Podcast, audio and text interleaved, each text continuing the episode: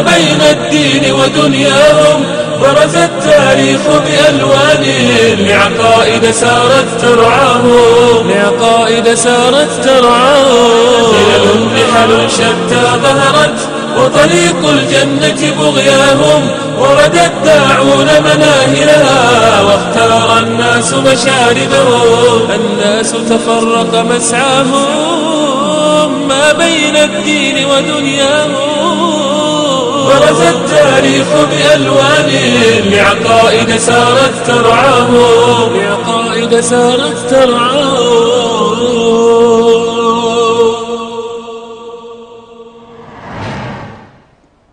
الحمد لله رب العالمين وصلى الله وسلم وبارك على عبده ورسوله محمد وعلى آله وصحبه أجمعين.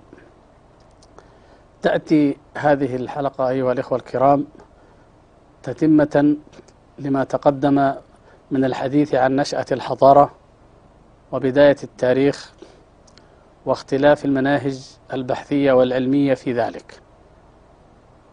الذي نريد أن نؤكده في هذه الحلقة وفي غيرها هو أن المركزية التي يدعيها الفكر الغربي أو كثير من الباحثين الغربيين للحضارة الغربية أو للأصول اليونانية للحضارة لا تقوم على أي أساس علمي وبالتالي هناك مجموعة من الحقائق الدينية والتاريخية والعلمية ومجموعة أيضا من التقاليد ومن الأساطير وكل ذلك يكون لدينا ولدى البشرية جميعا لكل مطلع باحث من أي جنس من أي بلد أن كل الحضارات ترجع إلى أصل واحد وإلى منبع واحد كما أن كل الجنس البشري يرجعون إلى أسرة واحدة وأم وأب أي, أي آدم وحواء عليهما السلام.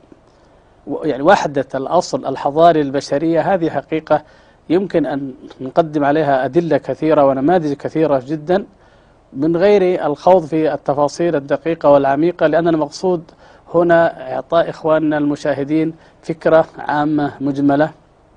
وعندما نتعرض لذلك ونشير إلى المصدر المعصوم من الخطأ وهو القرآن الكريم والسنة النبوية الصحيحة فإنما نشير إلى ذلك لكي نوضح أن المنهج القرآني نفسه إنما يقوم على إعطاء هذه الحقائق كإشارات عامة مجملة والخوض في التفاصيل يترك للجهد البشري والبحث البشري وللتنقيب البشري كما سوف نرى أهمية ذلك في موضوعنا اليوم وهو موضوع الحضارة في بلاد اليمن أو في جنوبي الجزيرة العربية.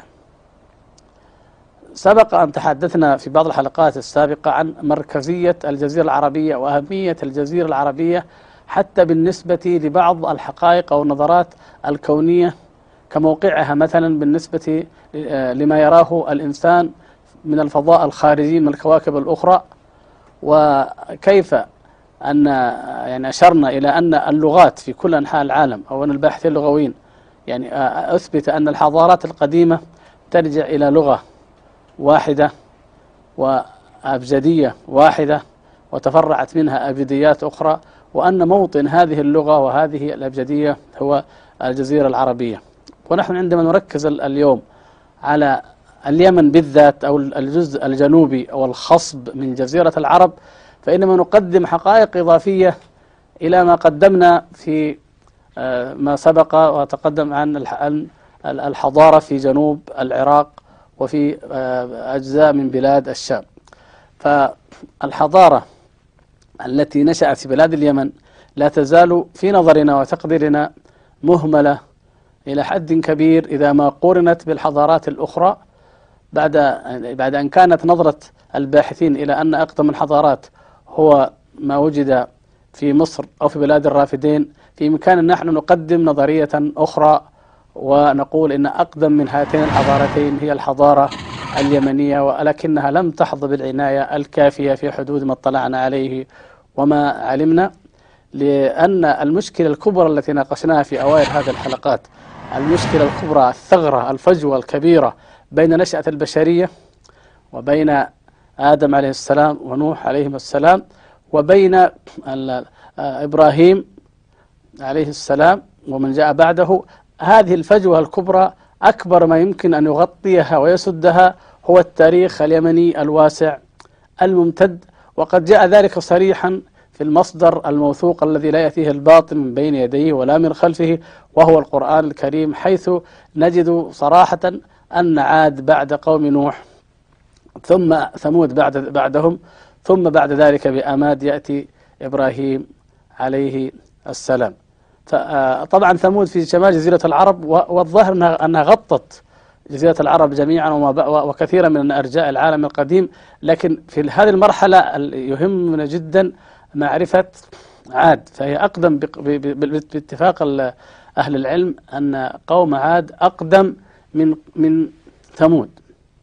ومع ذلك فهذه الحضارة التي لا تكاد تذكر في التاريخ البحثي أو التاريخ العلماني هذه حضارة أهملت ونجد أن عندما يتعرض هذا التاريخ لليمن وللحضارة ونشأتها وللدين في اليمن فإنه يتكلم عن حضارة سبأ على سبيل المثال مثلا وبعض الحضارات المعينية أو القتبانية أو ما أشبه ذلك التي هي قريبة جدا من الألف الأول أو بعده يعني ما بين سليمان عليه السلام والمسيح. يعني في فترة تعتبر قريبة تعتبر حديثة تعتبر بالتأصيل الذي ذكرناه نحن. وقلنا إنه إنه في القرآن أن أن التاريخ الحديث أو المتأخر يبدأ من هلاك فرعون ومن إنزال التوراة فإذا تعتبر فترة حديثة جدا فأين عهد موسى عليه السلام وإنزال التوراة من عهد عاد؟ آلاف من السنين وأحقاب واضحة جدا لمن يقرأ في كتاب الله سبحانه وتعالى ولمن يتأمل في السنة أيضا الصحيحة ولمن ينظر إلى التاريخ المشهور والمتواتر عند العرب.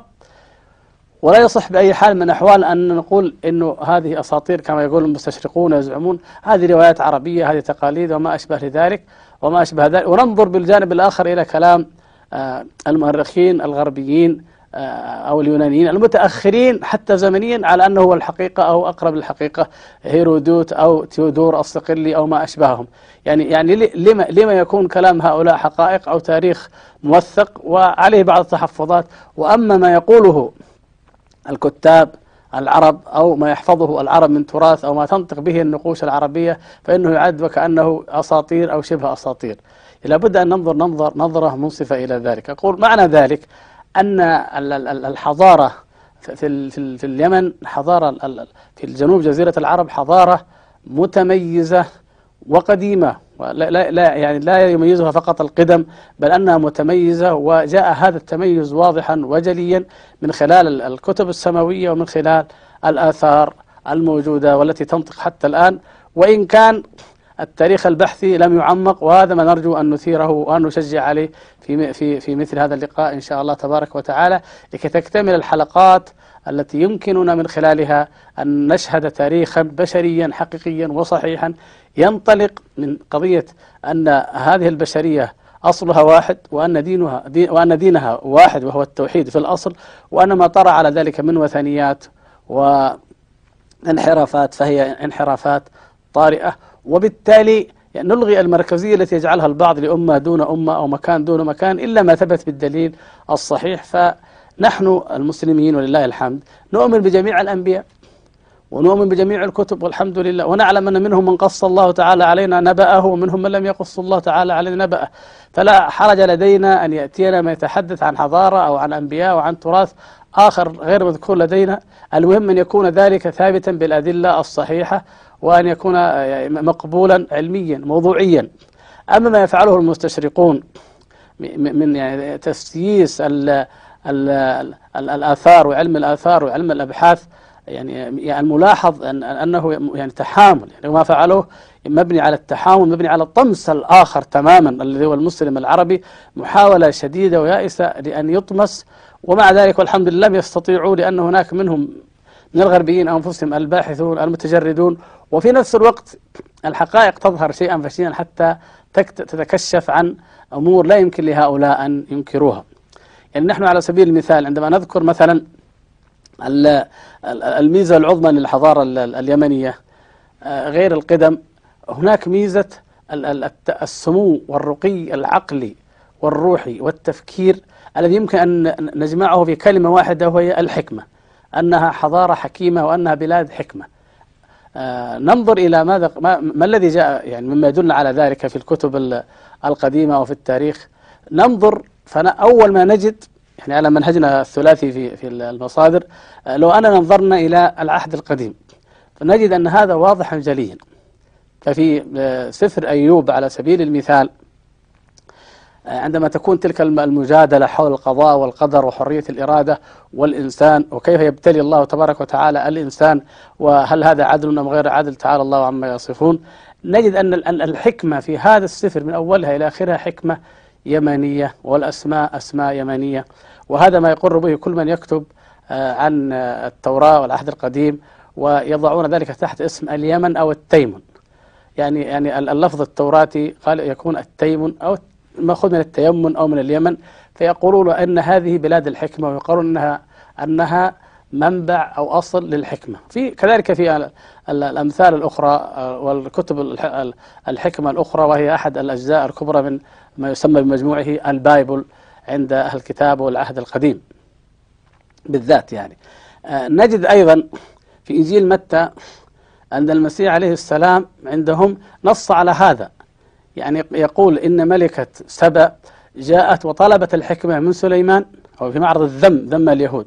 واليهود لم يقبلوا الحق منه عليه السلام وهو أفضل من سليمان وأعظم حكمة وأعظم نبوة وهذا حقيقة نعم هو كذلك. فيعني يتعجب يقول يعني كيف الأمم البعيدة والغريبة تقبل الحكمة بينما أنتم يا بني إسرائيل لا تقبلونها مع أنها أمام أعينكم. فهذا أيضا مما يعني يؤكد الصفة نفسها. تأتي هذه على لسان أصدق البشر صلى الله عليه وسلم فيختصر بكلمة واحدة ويقول الإيمان يماني والحكمة يمانية.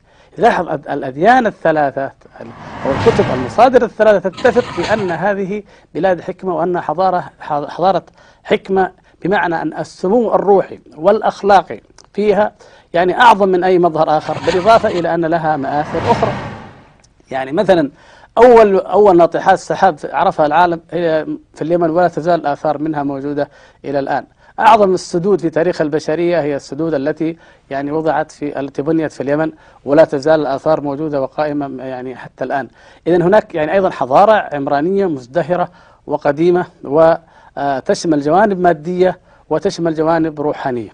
يعني في في إمكاننا يعني أن أن نجد هذا وأن نجد أيضا جوانب الانحراف آه، إذا إذا نحن أخذنا من الإشارات القرآنية آه، مجموعة من الحقائق وركبنا ركبنا من خلالها تاريخا عميقا وعظيما لهذا الجزء المهم من جزيرة العرب. يعني معنى آخر. أن ممكن أن نعتبر أمة عاد أمة طرى عليها الشرك ثم بعث الله تبارك وتعالى إليهم هودا عليه السلام فكان ما كان من من آه، يعني هلاكهم وعقوبتهم وهذه ممكن أن يعني تفرد في لقاء أو أكثر لبيان ما الذي توصل إليه العلم أو الكشوفات الأثرية من آه، مواقع عاد وأسباب الهلاك التي يفسرها البعض تفسيرات قد تتفق مع النص القرآني وقد تختلف لكن على أي حال هناك بحوث مهمة وحديثة في هذا الشأن. هذا جانب. بعد ذلك نجد أن هناك في القرآن حديث عن ذي القرنين. من هو ذو القرنين؟ هذا ذو القرنين. أقرب الأقوال على كثرة الخلاف فيه أنه من آه، ملوك اليمن الذين آه، كان كما بنص القرآن كان رجلا صالحا عبدا مؤمنا موحدا تقيا وفتح الأرض. وهذه الحقيقة التي آه، جاءت في كتاب الله تبارك وتعالى هي من من ضمن حقائق كثيرة أو من ضمن ثوابت كثيرة في التاريخ اليمني القديم معلومة بشبه تواتر أو متواترة عن العرب عن العرب القدماء وعن الملوك وحكام اليمن. فيما أثر عن عبيد بن شرية وهو مشهور في معروف التاريخ فيما كتبه أو نقله هشام بن الكلبي وأمثاله وحفظه لنا آه، مثل كتاب المحبر أو كتاب المسعودي مروج الذهب والمقريزي وقد نقلنا بعض النقول من ذلك. يعني يعني ناخذ من ذي القرنين إشارة إلى أن ملكا عظيما كان هذه الأمة. يعني وليس لم يكن حادثة منفصلة جزء من تاريخ. كذلك ما ذكر الله تبارك وتعالى عن تبع وقومه. جزء من تاريخ طويل جدا طويل وعظيم. ما ذكر أيضا عن أصحاب الأخدود. ما نقل عن أو ما ذكر عن أصحاب الأخدود ومعه ما ذكر أيضا عن عن سبأ وملكها وعظمة عرشها وعظمة ملكها.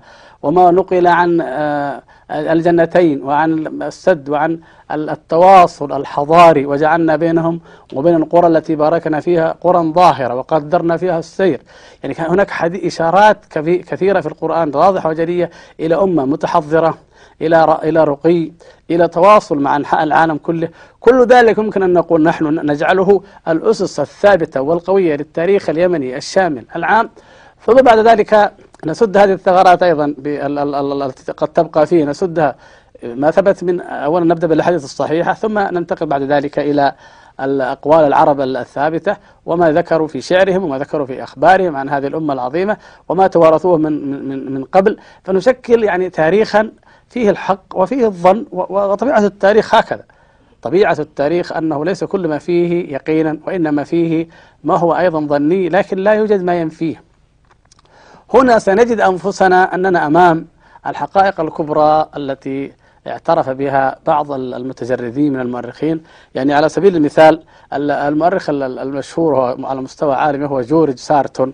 عندما تحدث في كتابه تاريخ العلم يقول لقد سبق للعرب أن قادوا العالم في مرحلتين طويلتين من مراحل التقدم الإنساني.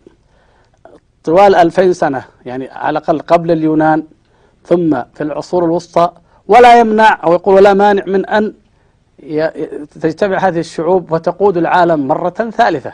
وهذه كلمة منصفة من رجل في مثل هذه المكانة التاريخية والعلمية. الكلام الذي يعني يعني قيادة العرب أو الأم أو جزيرة العرب طبعا كموطن لهذا الدين ولهذا الحضارة. والجانب الأكثر تحضرا منها وهو اليمن.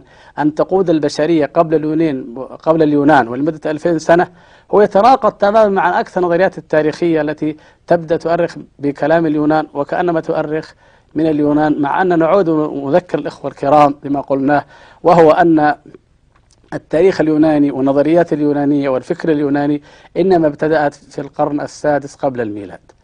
وهنا تعجبون تقولون يعني كيف كيف يقارن بين حضارة نشأت في القرن السادس قبل الميلاد وتعتبر أصل الحضارات في العالم وبين حضارة قيل إنها نشأت في الألف السادس قبل الميلاد.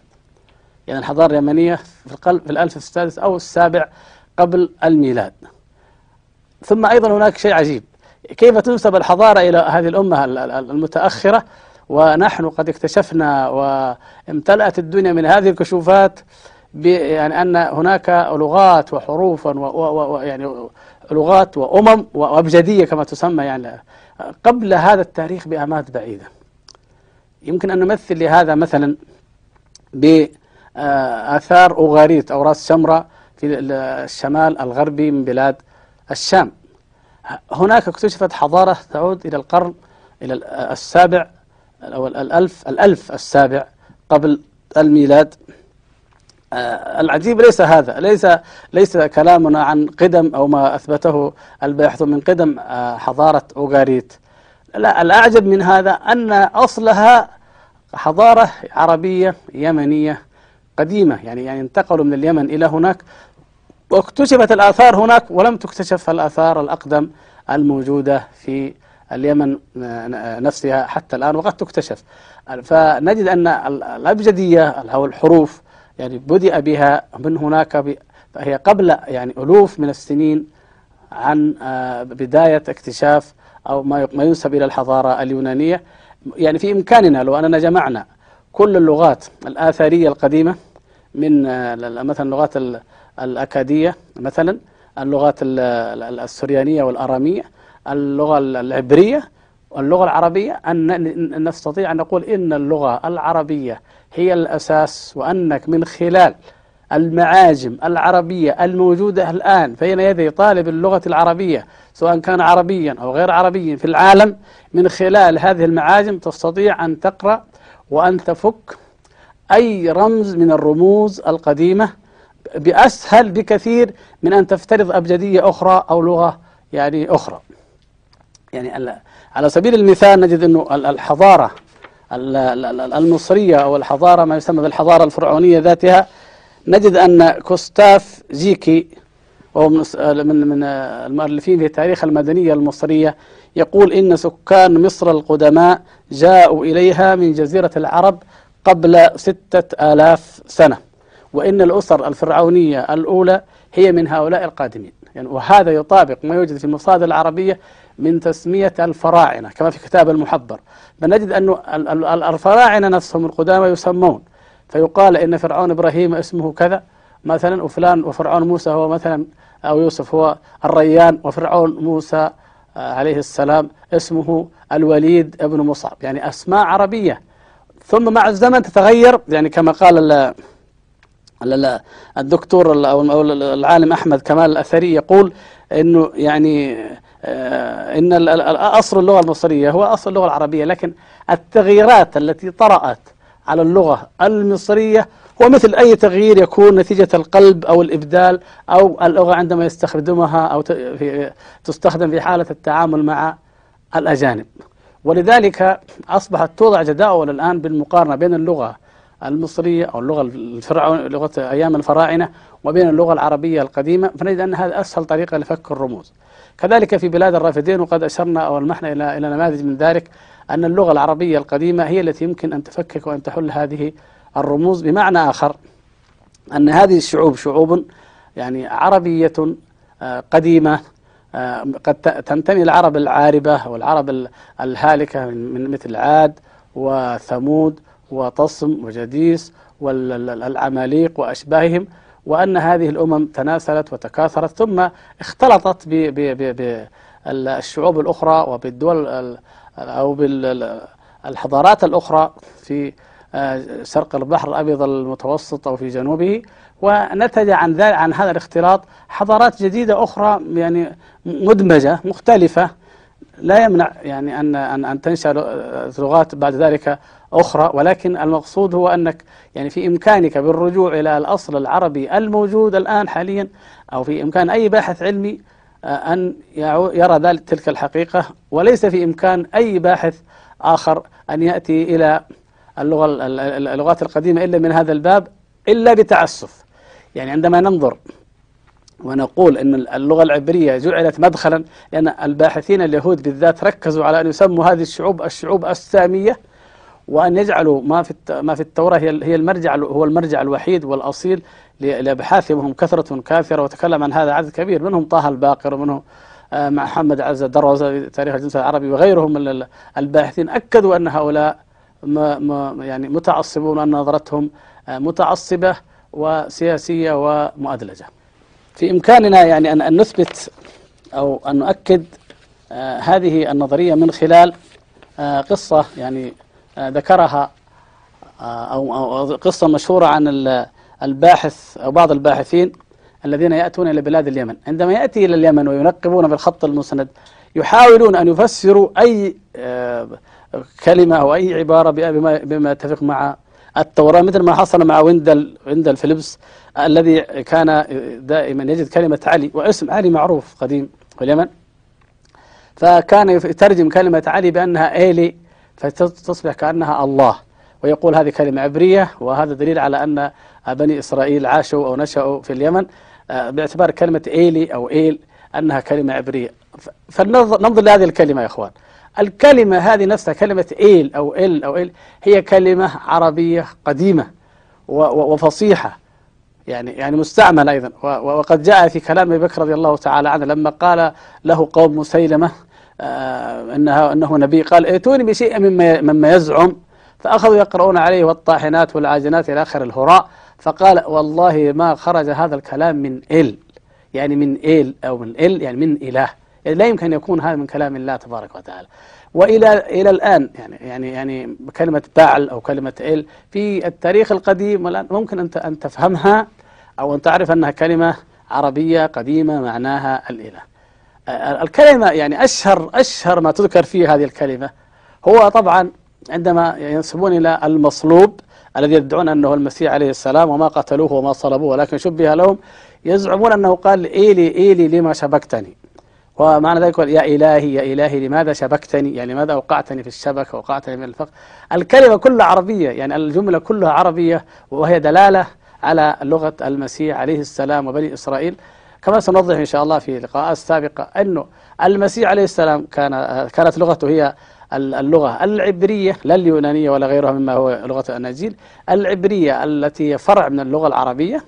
وأن لغة لغة إبراهيم عليه السلام كانت هي اللغة العربية كما قرر يعني الأستاذ العقاد و وغيره. يعني نستطيع أن نقول إن إننا آه، يعني حتى لو انتقلنا إلى التاريخ آه، شبه الأسطوري أو التاريخ الذي آه، يعني ليس يقينا. فلنقول التاريخ الظني. لو أننا عملنا جدولا بسلسلة ملوك وأنساب ملوك سومر مثلا كما جاءت فيما بعد الطوفان لأنه قبل الطوفان أشبه بالتاريخ الأسطوري أن أن ملك يحكم آلاف السنين يعني هذا لكن لو وضعنا يعني سلسلة مقارنة بين ملوك سومر فيما بعد الطوفان وملوك اليمن نجد أنه تقريبا نفس الشيء. يعني عندما يقول المؤرخون المسلمون كما مثلا في كتاب المحبر فنجد أن المؤرخ يعني ابن الكلبي مثلا يقول إن قحطان حكم 100 سنة. ثم حكم يعرب بن قحطان آه، عفوا قحطان حكم 200 سنة.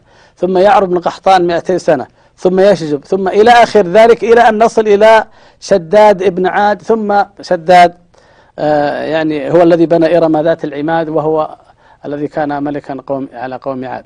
يعني إذا وضعنا سلسلة لملوك سومر ولملوك اليمن نجد هناك تقارب وتشابه إن كان في المدد وإن كان في طريقة الحكم. ف يعني لما يعتبر هذا كشوف آه، تاريخية رائعة ومهيلة ولا و و ويعتبر ما يقوله آه، آه، ابن الكلبي مثلا أو ما يقوله مسعود هروج الذهب أنه أسطورة أو ما يشبه الأساطير.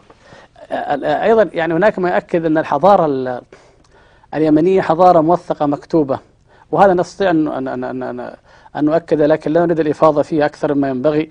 يعني نقول مثلا في, في كتاب تاريخ دمشق وهو قد حوى كثيرا من الكتب السابقة كثيرا ما ترد مواضع أنه وجد حجر وقرئ بالمسند وفك وكانت وكان في أيام بني أمية من يفك ذلك الرموز في وفي غيرهم من يفك رموز هذه الكتابة الموجودة على الحجارة.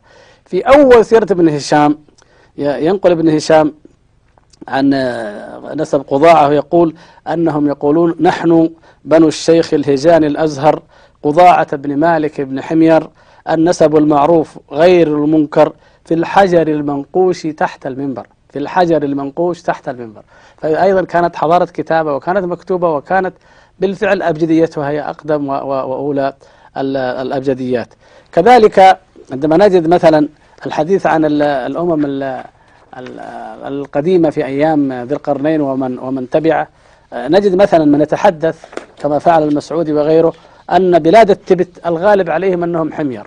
يعني, يعني عندما يتكلم عن الانتشار الذي حصل للملوك اليمن القدامى في كما في كتاب ملوك حمير وقيال اليمن الانتشار شرقا وصل إلى الصين ويثبتون ذلك وغربا وصل إلى غرب إفريقيا وكل هذا العالم كان يحكم من خلال اليمن وكانت قاعدة حكمه هي اليمن. فنجد أنه يقول أن التبت يغلب عليهم أنهم من حمير. وينقل أبيات لدعبل الخزاعي الشاعر المشهور يقول فيها آه، هم هم كتبوا الكتاب بباب مرو وباب الصين كانوا الكاتبين إلى أن يقول وهم غرسوا هناك التبتين.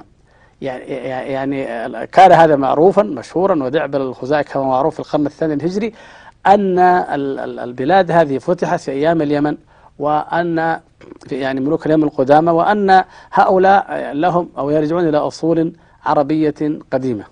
هناك أيضا بعض الشعوب الأوروبية القاطنة في جنوب أوروبا ولها كان لها حضارات في كريت وفي صقلية وفي غيرها مما من قيل أو أكد أنهم كانوا من العرب القدماء. بل إن هناك من يقول إن اليونان نفسهم أصلهم من قحطان.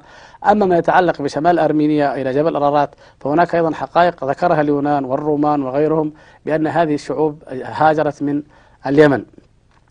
طبعا الآن لا يستسع الوقت للإفاضة في ذلك بل إلى القول بأنه يعني حتى الأسماء الحضارية وأسماء المدن وأسماء أنها كلها آه، ذات أصول يمنية عريقة.